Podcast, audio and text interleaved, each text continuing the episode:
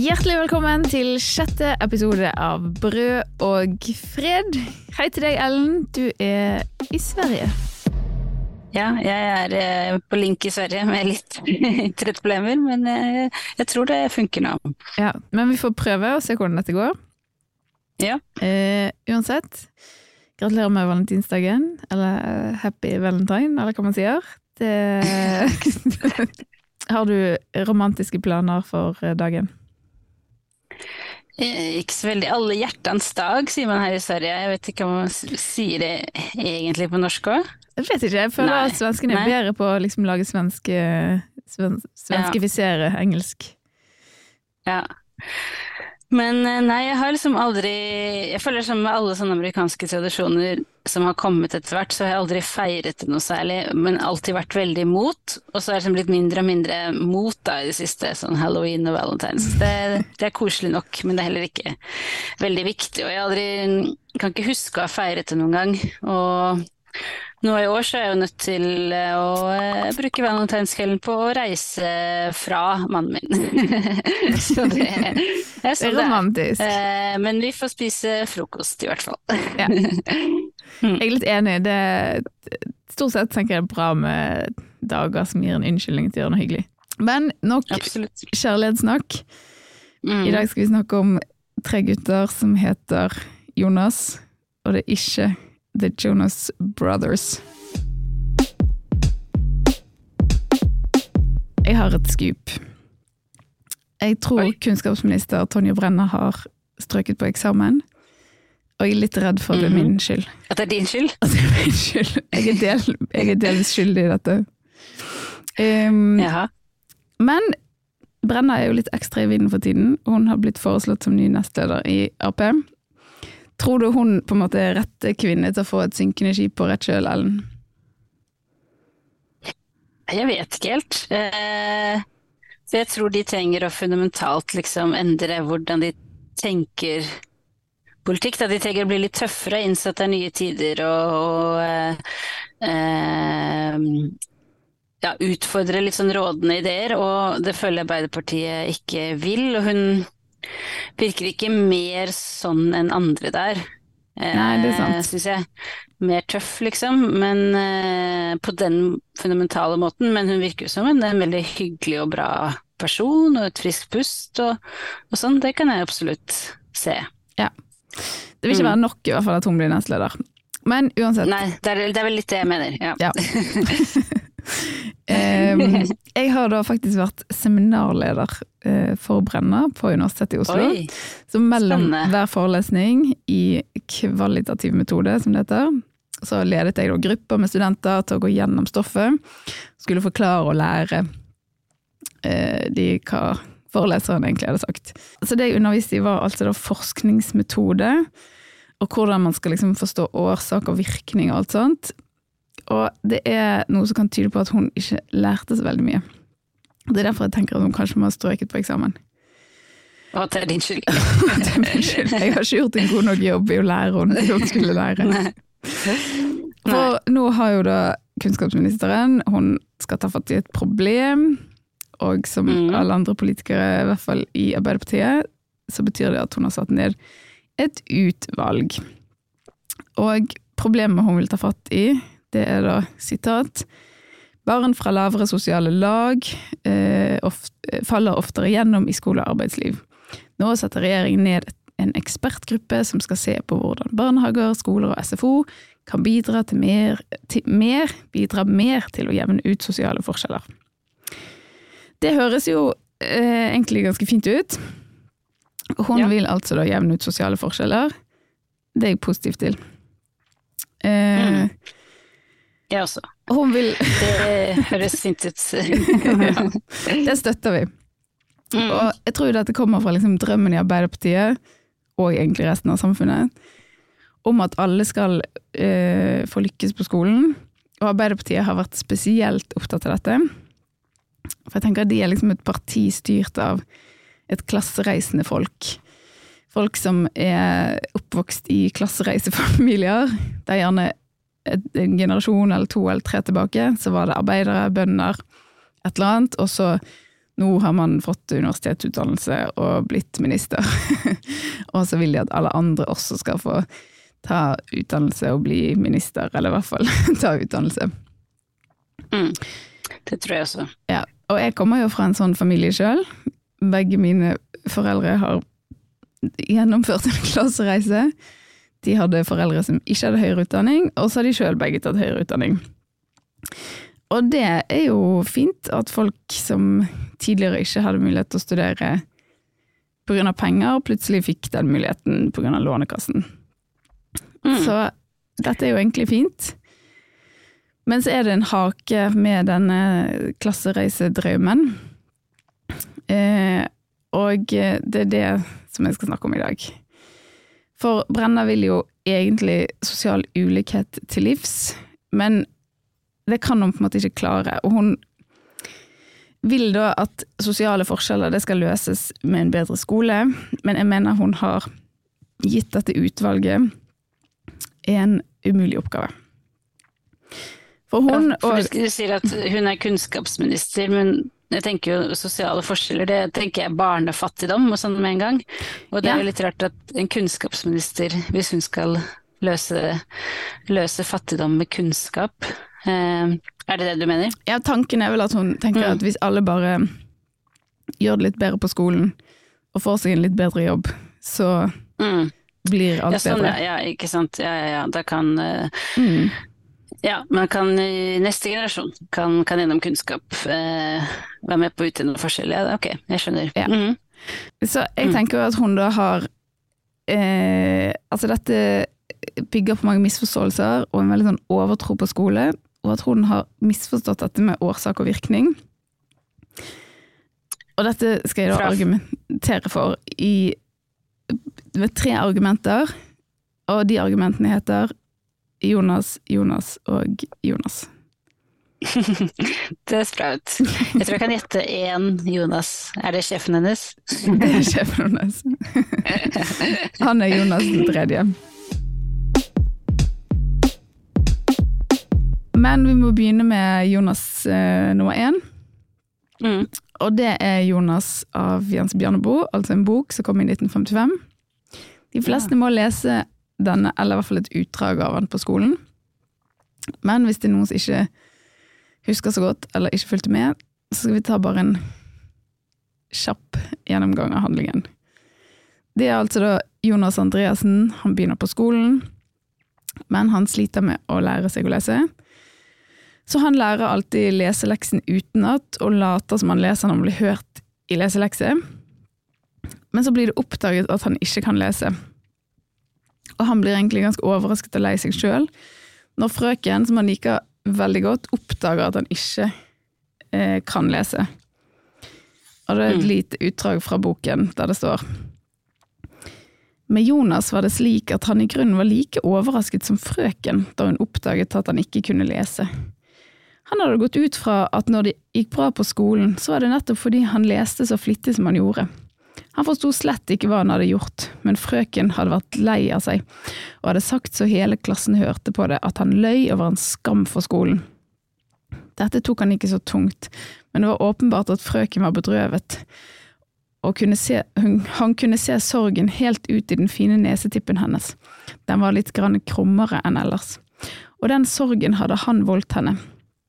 Det var som en skarp kniv inni han, dette at han hadde gjort frøken vondt. En helt annen ting var at han nå forsto at han ikke kunne lese, og han visste nøyaktig hva det innebar. Han husket hvert ord som den store gutten med skinnluen og de store tennene og ørene hadde sagt om den som gikk på Idioten. De kunne ikke lese.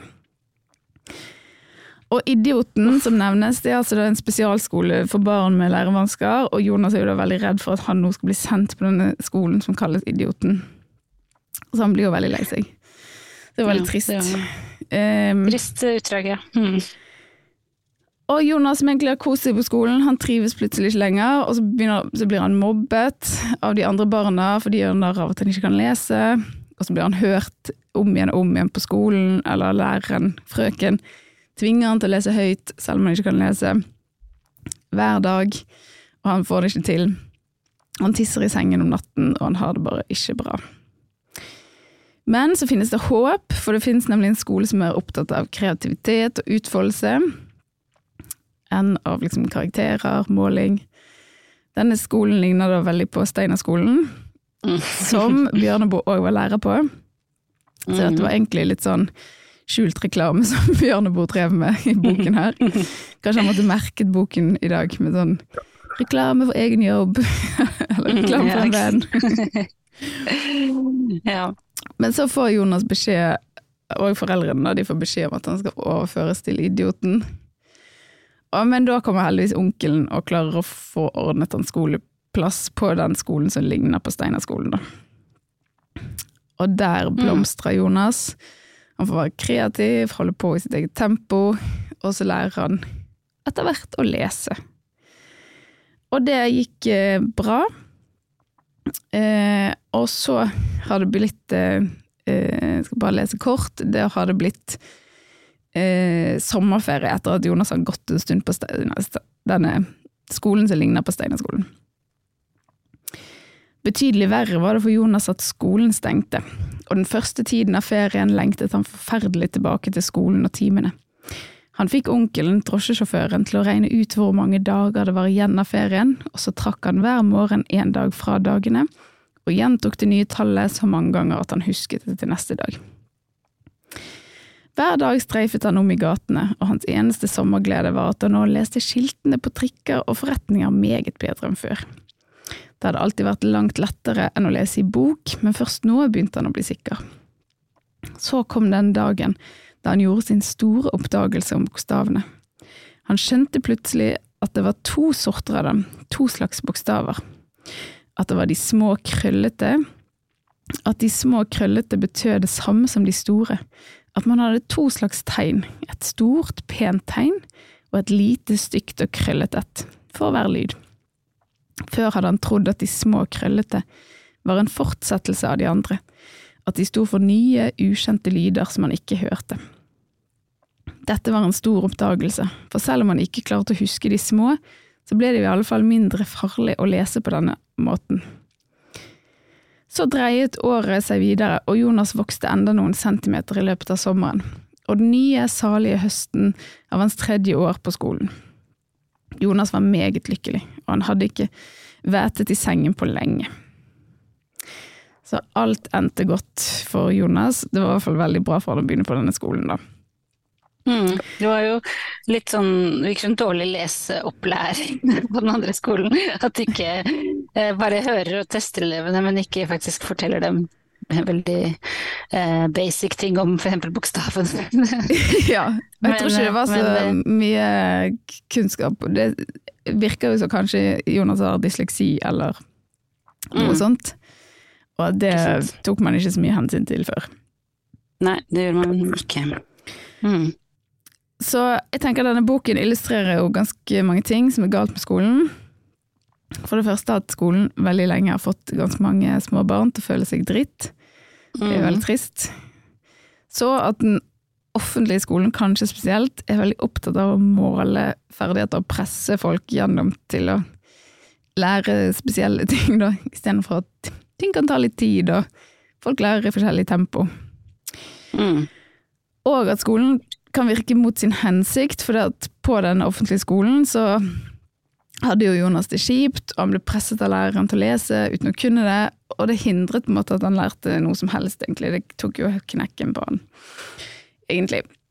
Men det som er viktigst her, og som Brenna og utvalgene må få med seg, det er jo at barn de kommer inn i skolen med helt ulike evner.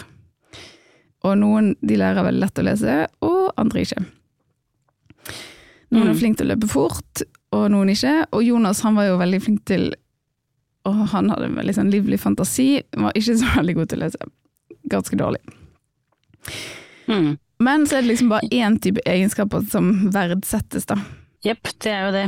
Eh, det veldig sånn teoritungt. Mm. Eh, og eh, eh, som du sier, eh, det virker som det er stadig mer sånn eh, eller, eller egentlig ikke stadig mer, for hun frøken driver og tester og tester disse barna, men at det har fortsatt da, med en sånn der høring, sjekking, testing istedenfor Mm. å, og eh, la elevene få utfolde seg med det de kan. Mm. Mm. Og så er det òg noe faktisk eh, ny forskning som viser at eh, unger går så veldig mye mer på skolen nå enn før, spesielt de små barna. Og det meste av de ekstra timene det er norsk og matte og den type fag, og det er liksom ikke mer gym og musikk og sløyd og heimkunnskap og de andre fagene som også er viktige. Eh, det er blitt litt over 1300 flere skoletimer for barn i grunnskolen, og det vil si to ekstra skoleår. Altså det er like mye som Oi. to ekstra år. Og det som jeg synes er så så ja, Betyr det at det er, liksom det, det er det året man begynte man fra seks til syv, altså seksårsreformen, det er ett av de årene, og så er det ett år i tillegg til det? ja. Det Og det, sånn? ja, så det Ja. året i tillegg det er liksom spredd utover på at ungene har litt lengre skoledager nå. Eh, Oi, oi, oi. og i tillegg til at de begynner et år, for tid, eller et år tidligere, ja. Mm. Så de får jo aldri hvile. Nei, det høres ikke sånn ut. Så. Altså, Eh. når min uh, mor gikk på skole, så gikk hun på skole annenhver dag. Det var på bygda, og da var det liksom Ja, la, lavere halvdelen av barneskolen, de hadde skole mandag, onsdag og fredag, og de høyere trinnene hadde liksom de andre dagene, og lørdag, da, for da gikk man på skolen på lørdag. Og det var mer enn nok til å klare seg helt fint i Jeg klarer seg helt fint. Så Ikke sant. Ja. Nei, det høres, det høres mye ut. Jeg hadde blitt eh, sur hvis jeg hadde vært barn og fått vite det. ja, man må gå så mye på skolen. Men òg at det er så mye teori, men òg at det er liksom Mm. det eneste som teller, da. Eller Mm. det er så skeivt hva som vektlegges. Mm. Hva var ditt eh, beste og verste fag på skolen? Ja, jeg vet ikke, jeg var ikke særlig god i de praktiske, da. Jeg var vel liksom god i norsk og samfunnsfag og sånn, eh, mens jeg var ikke særlig god i gym og musikk og, og den type ting, husker jeg.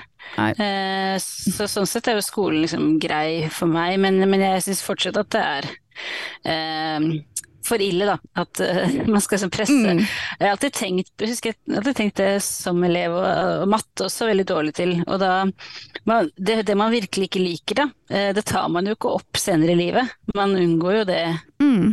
eh, reelt, liksom. Så jeg studerte jo da litteraturfag og har begynt å jobbe med, med språk helt siden. Og, ikke, Mm. liksom, og matte hatet jeg, så det skal jeg virkelig ta tak i. Så, så sånn sett så er det, føles det litt sånn unødvendig at man presses så veldig til å gjøre det man, man ikke liker, for man kommer jo ikke til å man kommer til å slippe det med en gang man er Ja, ja, med en gang man får mulighet. Helt enig. Mm.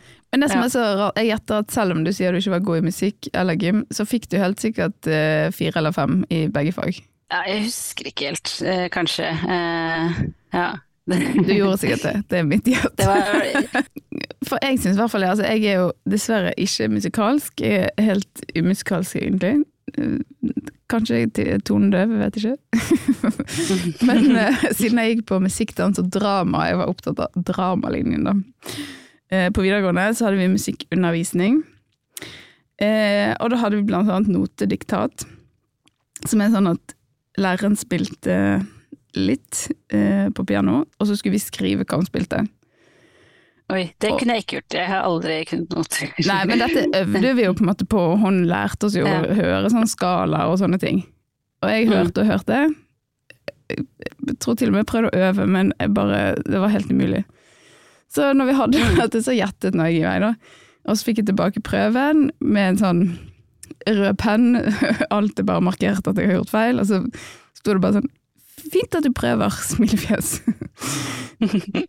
altså, fikk ikke det til. Eh, Men likevel så klarer jeg å få fire eller fem i musikk, fordi man tenker at nei, vi kan ikke bare vektlegge sånn medfødt eh, musikalitet. Eh, hvis du klarer å holde et foredrag om en musikksjanger, så får du like bra uttaling for det. Så man er så opptatt av liksom, til og med i de fagene der det eh, Der noen bare kan ha evner, da. Så man tenker at Mm.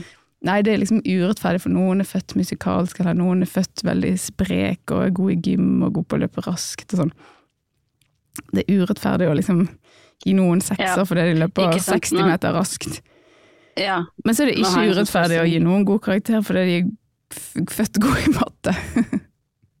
Nei, ikke sant. Det er veldig sant. Man tenker liksom alle kan lære seg matte, ennå det ikke er sant i det hele tatt. Mens eh, at med, med gym så er det ja, noen har bare mer muskler og mer anlegg, så da blir det Mm. feil at de skal få bedre karakter. Ja, det er sant. Og Og det jeg jeg tenker, tenker også musikk så er liksom sånn eh, Gjennom menneskehetens historie har det alltid vært sånn at noen har evner for det, eh, og da laget liksom vakre ting vi andre kan høre. mm, Og så har vi andre gjort noe annet. Jeg tenker at det også er helt greit. At det ikke er liksom sånn eh, Det er så en rar forestilling at alle skal gjennom alt, eller alle må gjøre alt. Eh, det hadde jo vært mye bedre, for det nå føler jeg at skolen sorterer i sånn hvem er flink og hvem er ikke flink. Men det hadde jo vært Mm. mye bedre hvis skolen på en måte hjalp barn til å sortere i sånn du er spesielt flink i dette, og du er spesielt flink i dette. Kanskje du Mm. skal tenke, liksom, finne din jobb som gjør at du kan drive med noe du er god på. Men nå får jo ikke absolutt. unger liksom utforsket hva de er gode på, for det, det er så mye tavleundervisning og testing at enten er du veldig god i å lære fra tavlen, eh, eller ikke, og da får du dårlige karakterer og blir sett på som udugelig. Mm. Så det er jo på en måte problemet til Brenna, da. At uh, Ja. så lenge vi bare skal verdsette liksom én type kunnskap, så er det veldig mange barn som kommer til å bli sortert ut. For de får liksom ikke uttelling for det de er flinke på. Så jeg tenker at hvis Brenna vil eh, jevne ut sosiale forskjeller, så kan ikke livet til mange barn starte med at de blir sortert ut som dumme, bare fordi de ikke er veldig gode på tavleundervisning og teoretisk læring. Mm. Jeg tenker sånn det du leste fra Jonas, det var jo på en måte mm, det eh, å si det med et, et vanskelig språkord, didaktisk. altså sånn, litt sånn vel og over eh, budskapet malt utenpå, men det var jo likevel sånn fint, og eh, det føltes liksom som det fortsatt stemmer, da, dessverre. Mm. Eh, at barn kan gå og føle det sånn. Mm. Eh, Ja, så eh, Tonje Brenna, jeg tror du må lese Jonas og Jens Bjørneboe en gang til, selv om du kanskje gjorde det for mange år siden. Det er mitt råd. Men da kommer vi videre til eh, Jonas nummer to, apropos om ting er eh, sånn ennå, eller hvordan om skolen har forandret seg noe siden Bjørneboe skrev denne boken i 1955. For Ja. i januar i år så skrev NRK om Jonas Myklebust, som har dysleksi. Og det er jo antagelig det Jonas Jens Bjørneboe også hadde. Og akkurat som Jonas den første, så latet òg denne Jonas Myklebust som han kunne lese, gjennom å memorere leseleksen, eh, og eh, late som han kunne lese. Det er akkurat samme historie, og det klarer journalisten i NRK å ikke nevne. det er litt interessant. Kanskje, ja. Men hun var kanskje flink i journalistikk, og ikke i å lese norske leksen. Ikke sant? Ja. Så uansett. Men også Jonas Myklebust, Myklebust ble jo da avslørt etter hvert. Og da står det i saken, sitat, selv sjøl er ikke 18-åringen helt sikker på om han forsto det, at det han drev med, ikke var lesing. Så i likhet med Oi. Jonas til Bjørneboe, så skjønte heller ikke han at han måtte ikke lese, han trodde at han kunne lese når han fikk til å si det som sto på sidene, uten å Mm. måtte faktisk skjønne bokstavene. Ja, ja. Jeg gjorde faktisk det samme også da jeg var liten, for jeg har en lillesøster, så jeg pleide å lese en bok for henne som het Jeg kan lese, som jeg hadde lært utenat lenge før jeg kunne lese. Veldig bra. For et uh, høres ut som en sånn performance. Å få et lite barn til å liksom lese en bok som heter 'Jeg kan lese', uten å faktisk kunne lese. Egentlig høres ut som sånn manifestering som du snakket om sist. Man sier sier det. som om det er sant, Ja. og så blir det sant til slutt. Og det ble jo sant til slutt, så det, dette taler for Ja. manifestering. Mm. Men det som er Mm. bra, da, er at uh, problemene til Jonas ble plukket opp, og han ble ikke sendt på en skole som het Idioten. Han fikk bare bedre uh, undervisning og ekstra hjelp og sånn. Og eh, er nå snart ferdig med en yrkesutdanning og skal snart ut i lære. Og det er jo veldig fint.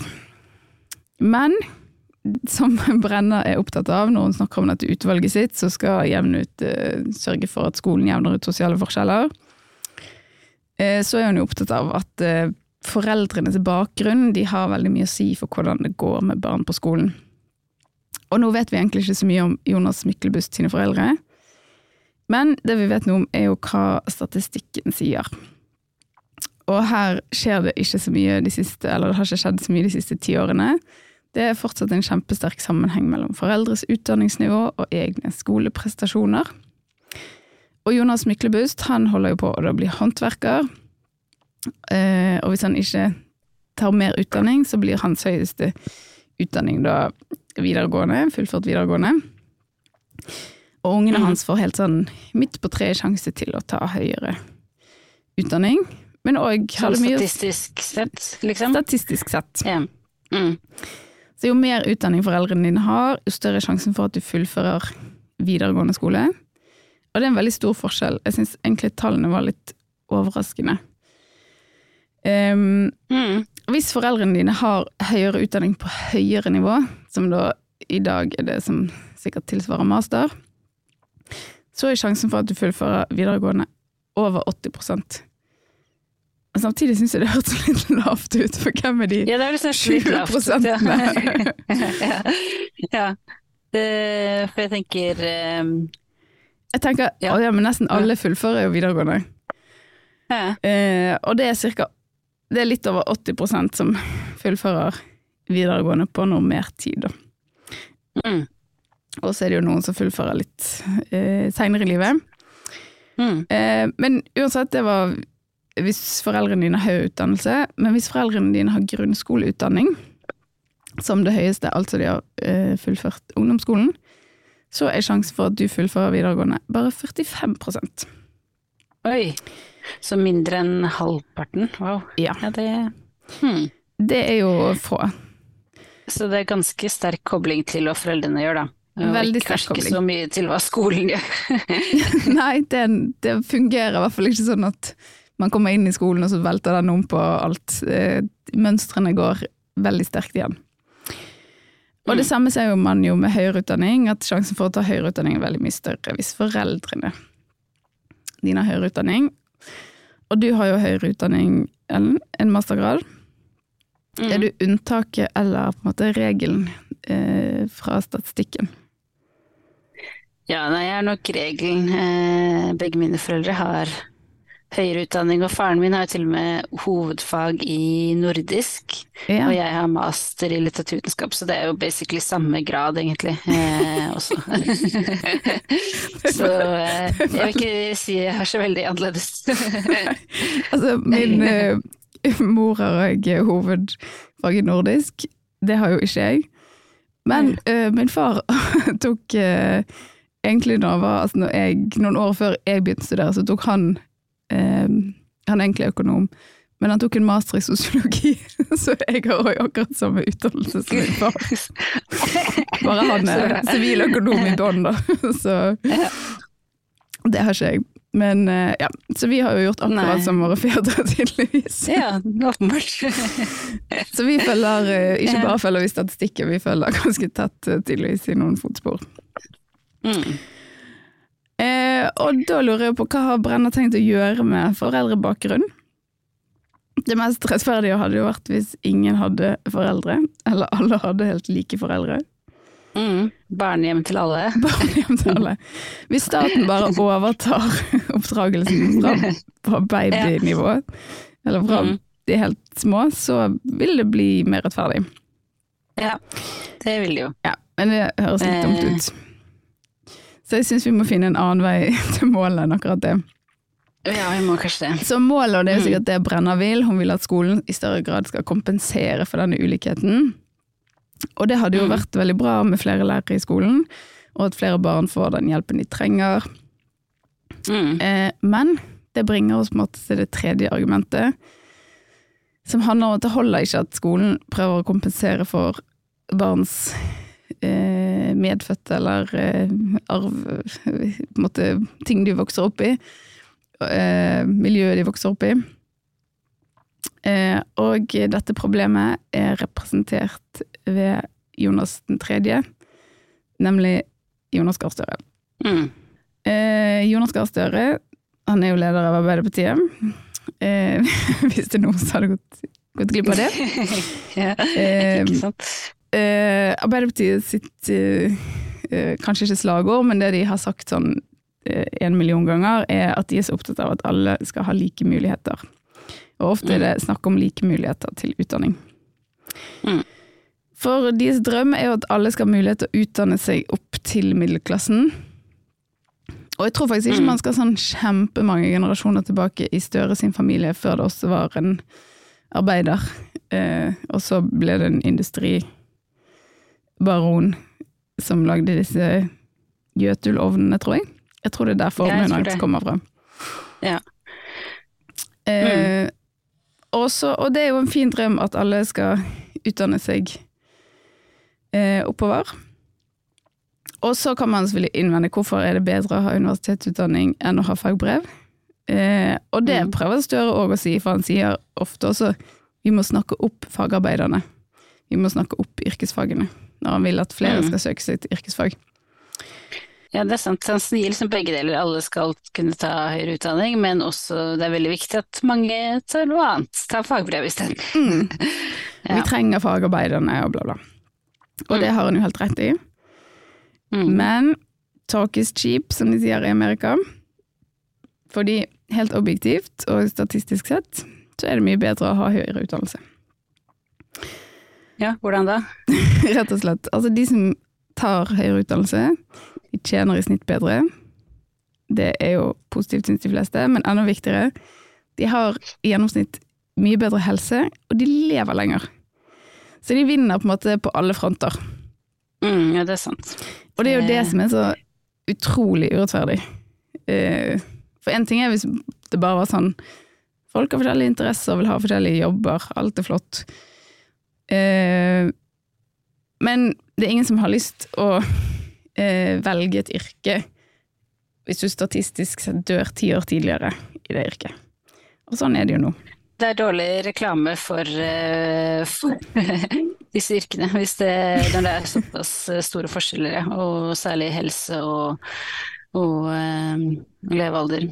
Ja. Det blir mer sånn vanskelig å heve og snakke opp noe når, det, når, man vet at man eh, får ødelagt rygg eller uh, uh, ender som ufør tidlig og sånn. Mm. Uh, ja.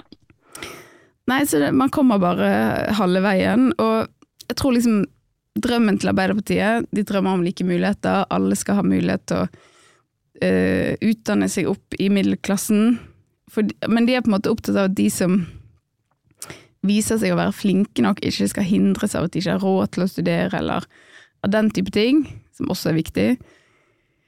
Um, men det kan ikke være Det kan ikke slutte der, uh, tenker jeg. For det, det Arbeiderpartiet drømmer om, det er jo egentlig meritokrati. Og her trenger vi mm. uh, trenger litt hjelp. For Ellen, du skal få lov til å forklare hva meritokrati er.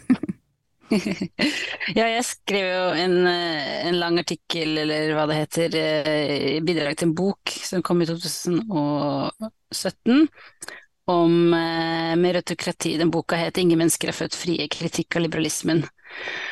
Og det som skriver der, ja, det var en sånn artig kritikkbok. sånn med mange ulike bidragsytere, da. Eh, og det jeg skrev der, var at meritokrati på en måte kan bety to ting. Det ene er at det er de smarteste som skal styre. Eh, altså at akkurat som piloter flyr fly og leger opererer pasienter, så er det på en måte statsvitere, jurister, ingeniører, økonomer osv. som skal styre og forme samfunnsutviklingen fordi de vet litt eh, hvordan det bør gjøres. De har utdannet seg til det, blitt eksperter.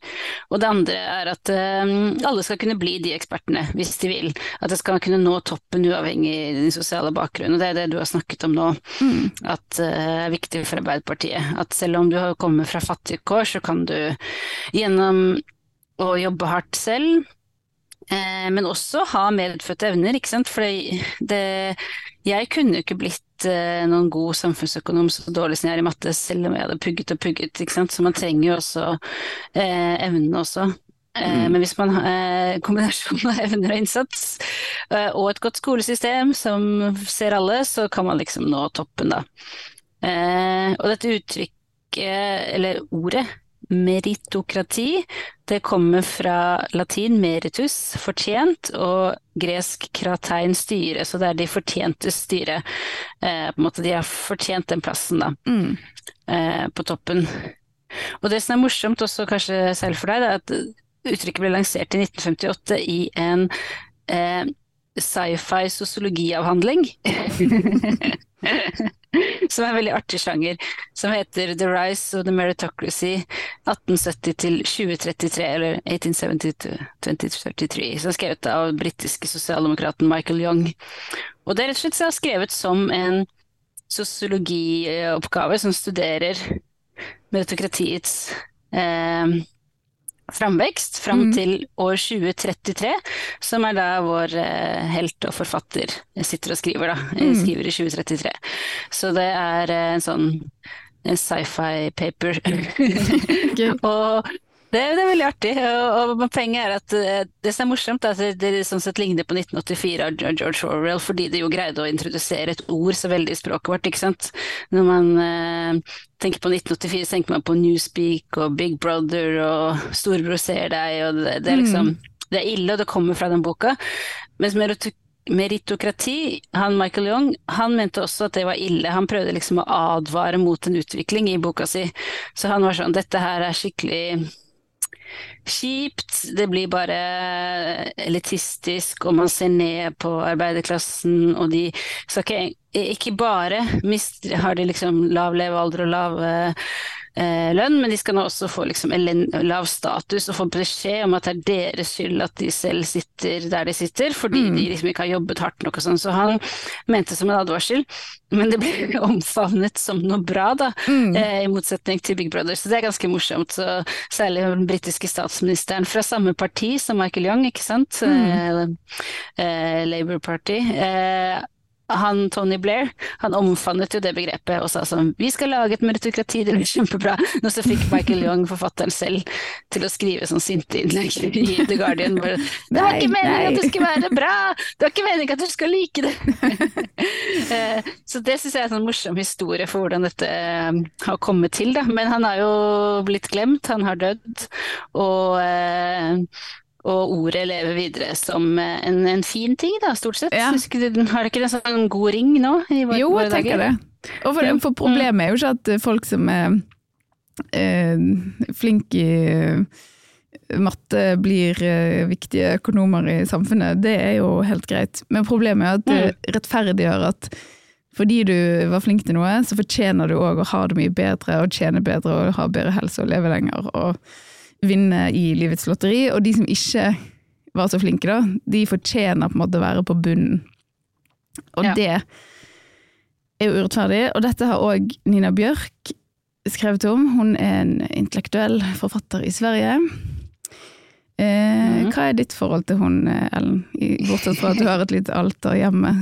Hvor du til med Bjørk. det er selvfølgelig jeg òg. Yeah ja. Nei, hun er jo bare en helt uh, veldig fan fordi hun er jo da en sånn venstresidetenker i, i vår tid fra Sverige som Hun er veldig sånn klok og logisk og tilbaketrukket. Hun ser henne sjelden liksom skrike og skråle i media, men hver tredje eller fjerde år så kommer det en veldig smart bok da fra hennes side, syns jeg, og hun er veldig eh, eh, ja, veldig stringent og logisk og flink til å liksom avkle myter. Uh, eller sånn stille spørsmål ved kanskje det mest grunnleggende i, i, i samfunnet. Og altså, er det egentlig sånn her? Hvorfor mm. tenker vi sånn? Så, som jeg setter veldig pris på, da. Mm. Enig. Og i den siste boken hennes, som heter Om man elsker frihet, tanker kring det politiske, så skriver hun om eh, meritokrati og ja, vi skal høre hva hun har å si om dette, å, drømme om klassereiser, da, som jeg mener at Arbeiderpartiet og Jonas Gahr Støre og Tonje Brenna gjør for mye. Det Bjørk skriver, dette er oversatt eh, av meg, hun skriver Drømmen om klassereisen som samfunnsløsning er alltid også drømmen om klassesamfunnets fortsatte, fortsatte eksistens. For uten klassesamfunnets eksistens, ingen klassereiser. I utropet Leve klassereisen hører man alltid et ekko, nemlig Leve klassesamfunnet. Det som skjer når, man, når snakket om klasse blir til snakket om sosial mobilitet, er at selve ulikheten i samfunnet blir en forutsetning for rettferdighet. Ikke rettferdighet som alles like rett til å leve et godt liv, men rettferdighet som alles like mulighet til å klatre eller falle i samfunnspyramiden. Alles like rett til ulikhet. Så det, Ja, det var smart sagt. det var smart sagt, ja. For, så det hun mener at det blir en forutsetning for Ulikhet blir en forutsetning for rettferdighet fordi man ønsker at det, skal, det er rettferdig at man skal kunne bevege seg i hierarkiet. eh, fra bunn til topp. Og Det er rettferdighet. Men, ja. da, men da trenger man at det ulikheten, at hierarkiet består. eh, Så man har noe å bevege seg i. Det er vel det hun mener. Ja, Ja, ja det var fint uh, sagt. Mm. Så jeg tenker jo at Arbeiderpartiet sin drøm om eh, meritokrati, like muligheter for alle, men ikke likt resultat for alle, det stanger jo litt med Brenna sitt eh, ønske om å jevne ut sosiale forskjeller. Mm. Eh, For den ene, på den ene siden så er jo drømmen at de barna som har evner til det, de skal få dyrke de og komme seg oppover. Og det høres jo fint ut, men noen blir jo igjen på bunnen. Og selv om Brenna skulle lykkes med at alle barn blir skolevinnere, eh, og eh, får bare gode karakterer, så trenger vi jo fortsatt at eh, eh, så, så kan jo ikke alle fortsette til høyere utdanning. Vi trenger at noen tar fag, eller at mange tar fagutdanning, og kjører trikk og jobber i butikk og gjør jobber som ikke krever høyere utdanning. Mm. Så jeg tenker jo hvis hun virkelig vil gjøre noe med sosial ulikhet, så må hun nesten gjøre noe med hva folk tjener, eh, heller enn eh, at, at eh, alle skal gjøre det like bra på skolen. Eh, Ja, det høres sånn ut. Så selv om det er bra at Brenna tenker at hun vil gjøre noe med skolen for å utjevne sosiale forskjeller, så holder det jo ikke å gjøre noe med skolen hvis hun bare skal sende barn og ungdommen ut i et samfunn der noen tjener helt sinnssykt mye, og noen tjener veldig like lite. Så Brenna hun vil jo løse dette problemet med at sitat, barn fra lavere sosiale, sosiale lag oftere faller gjennom i skole og arbeidsliv. Sitat slutt. Men hva med at hun bare prøver å avskaffe lavere sosiale lag? Det er Ja. mye bedre. Det er en god idé. Mm. Det høres ut som en bedre idé, hvis man eh, vil eh, vil den ulikheten til. Hvis ikke så blir det sånn alle skal ha mulighet til å ta høyere utdanning, men de taperne som likevel ikke får det til, de kan da ta taperjobbene, på en måte. Ja. Eh, Det er en slags eh, underliggende tone om det, og, og de jobbene er jo, som du sier, utrolig mange og veldig viktige. Mm. Eh, så det er eh, en diskrepans der da, som ikke helt går opp. Med mindre man skal som, eh, gå enda raskere i å bli Qatar, og at som, bare utlendinger gjør alle de jobbene som Og i så fall blir det da at liksom alle norske barn skal klassereise vekk fra barn med annen bakgrunn. Eh, Det høres ikke ut som et eh, drømmesamfunn heller. nei. For det er jo på en måte sammenheng mellom foreldres utdanningsnivå men det, og hvordan barn gjør det på skolen. Men det er også sammenheng mellom foreldres inntektsnivå og hvordan barn gjør det på skolen. Så henger jo de tingene litt Mm. sammen. Men man kan jo tenke seg at det er litt eh, lettere på alle måter å vokse opp i en familie som ikke er fattig. At det kanskje ja, det kan man tenke seg. Ja. Og det, det vil kanskje gjøre noe for barns skoleprestasjoner mer enn eh, litt ekstra undervisning. Konklusjonen her er i hvert fall at dette utvalget til Brenna de har fått en umulig oppgave. Fordi det som skjer på skolen, det vil aldri være nok til å jevne ut sosiale forskjeller. Og det er her Brenna da ikke har lært nok om årsakssammenhenger. Og det kan jo hende er min skyld, at jeg ikke har lært om dette godt nok. Men hun kan bare ringe hvis hun vil ha en ekstra gjennomgang av akkurat den biten av pensum. Så vet jo ikke jeg om hun strøk på eksamen eller ikke, det er jo anonymt. Jeg tror ikke jeg rettet de oppgavene heller, så det får vi, det får vi nok aldri vite. Men eh, ja, Brenna må snakke med noen av sine kolleger i, i regjeringen. Eh, og ta litt tak i andre ting enn akkurat bare skolen. Mm. Fordi eh, årsakssammenhengen Ja, for hun tenker jo, hvis vi bare gjør nok med skolen, nok forandrer skolen nok, så kommer vi til å klare å jevne ut sosiale forskjeller. Mm. Men det er det på en måte ingenting som tyder på. Og må heller prøve å jevne ut de sosiale forholdene i livene til ungene etter skolen. Mm. Og rundt dem også, ikke sant, med foreldrene Mm. deres og sånn. Eh, ja. Det virker som det er eh, rett og slett alternativet eh, til Altså eh, Arbeiderpartiet sier like muligheter, så er det veldig I det ordet liksom eh, Lik er bra, men muligheter, så blir det veldig sånn muligheter til noe, ikke sant, til å være i dette hierarkiet. Men Mm. hvis de bare hadde sagt uh, likhet, punktum, så hadde det hørtes sikkert ikke like flott ut i våre dager, men uh, Eller litt sånn staten skal bestemme alt, men det er jo på en måte der det ligger at man må ha eh, like forutsetninger på arbeidsmarkedet. Heller enn i skolen, kanskje. Eh, Ja, men sånn òg at man, liksom det eh, yrket du velger ikke betyr Statistisk sett eh, kommer du til å dø mye før. At man Mm, klarer å gjøre noe med arbeidslivet, da, sånn at folk kan velge yrke etter interesser og ferdigheter. Og få tror- en god jobb og godt nok betalt og kose seg ja, Kanskje ikke kose seg, det er kanskje litt uh, ambisiøst, men i hvert fall være sånn rimelig fornøyd med jobben sin. Mm. For det tror jeg stemmer med veldig mange jobber nå, at de eh, Folk kan ha evne for det og interesse for det, men hvordan det er innrettet gjør det veldig tøft likevel Mm. å, å jobbe med. Eksempel så sier de at kokkeyrket er helt utrolig mye slitasje, og Mm. eh, kokker blir ofte uføre og sånn. Men det kan jo hende man har evne for å lage mat og syns det er kjempegøy å stå på kjøkkenet, og derfor man fant fram til det yrket eh, i utgangspunktet. Mm. Og, og det kan jo være mulig å bare ha for eksempel kortere arbeidsdag, sekstimersdager, femtimersdager for kokker, som gjør at de kan eh, liksom gjøre det de er gode på og ha evne for, uten alle disse etasjene og Mm. som kommer liksom i kjølvannet. Det handler bare om hvordan arbeidet er organisert, mer enn hva arbeidet er, Mm. tror jeg da. Det tror jeg òg. Eh, Nei, så det, Så det- Er, det er løsningen. Så vær så god, det var et skup til alle sammen. Kunnskapsministeren har kanskje strøket på eksamen.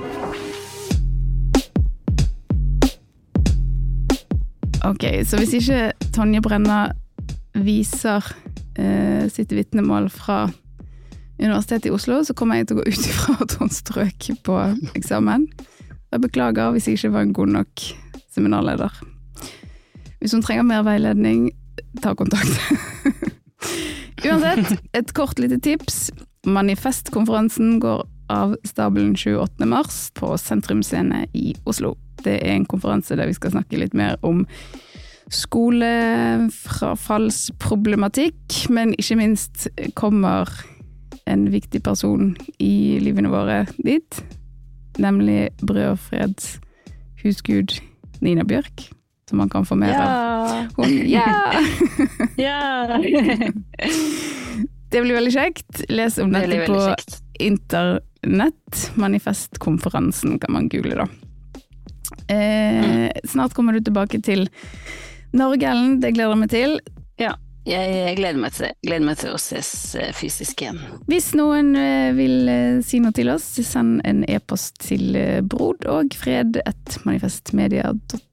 manifestmedia.no. Vi setter pris på alle e-poster vi får.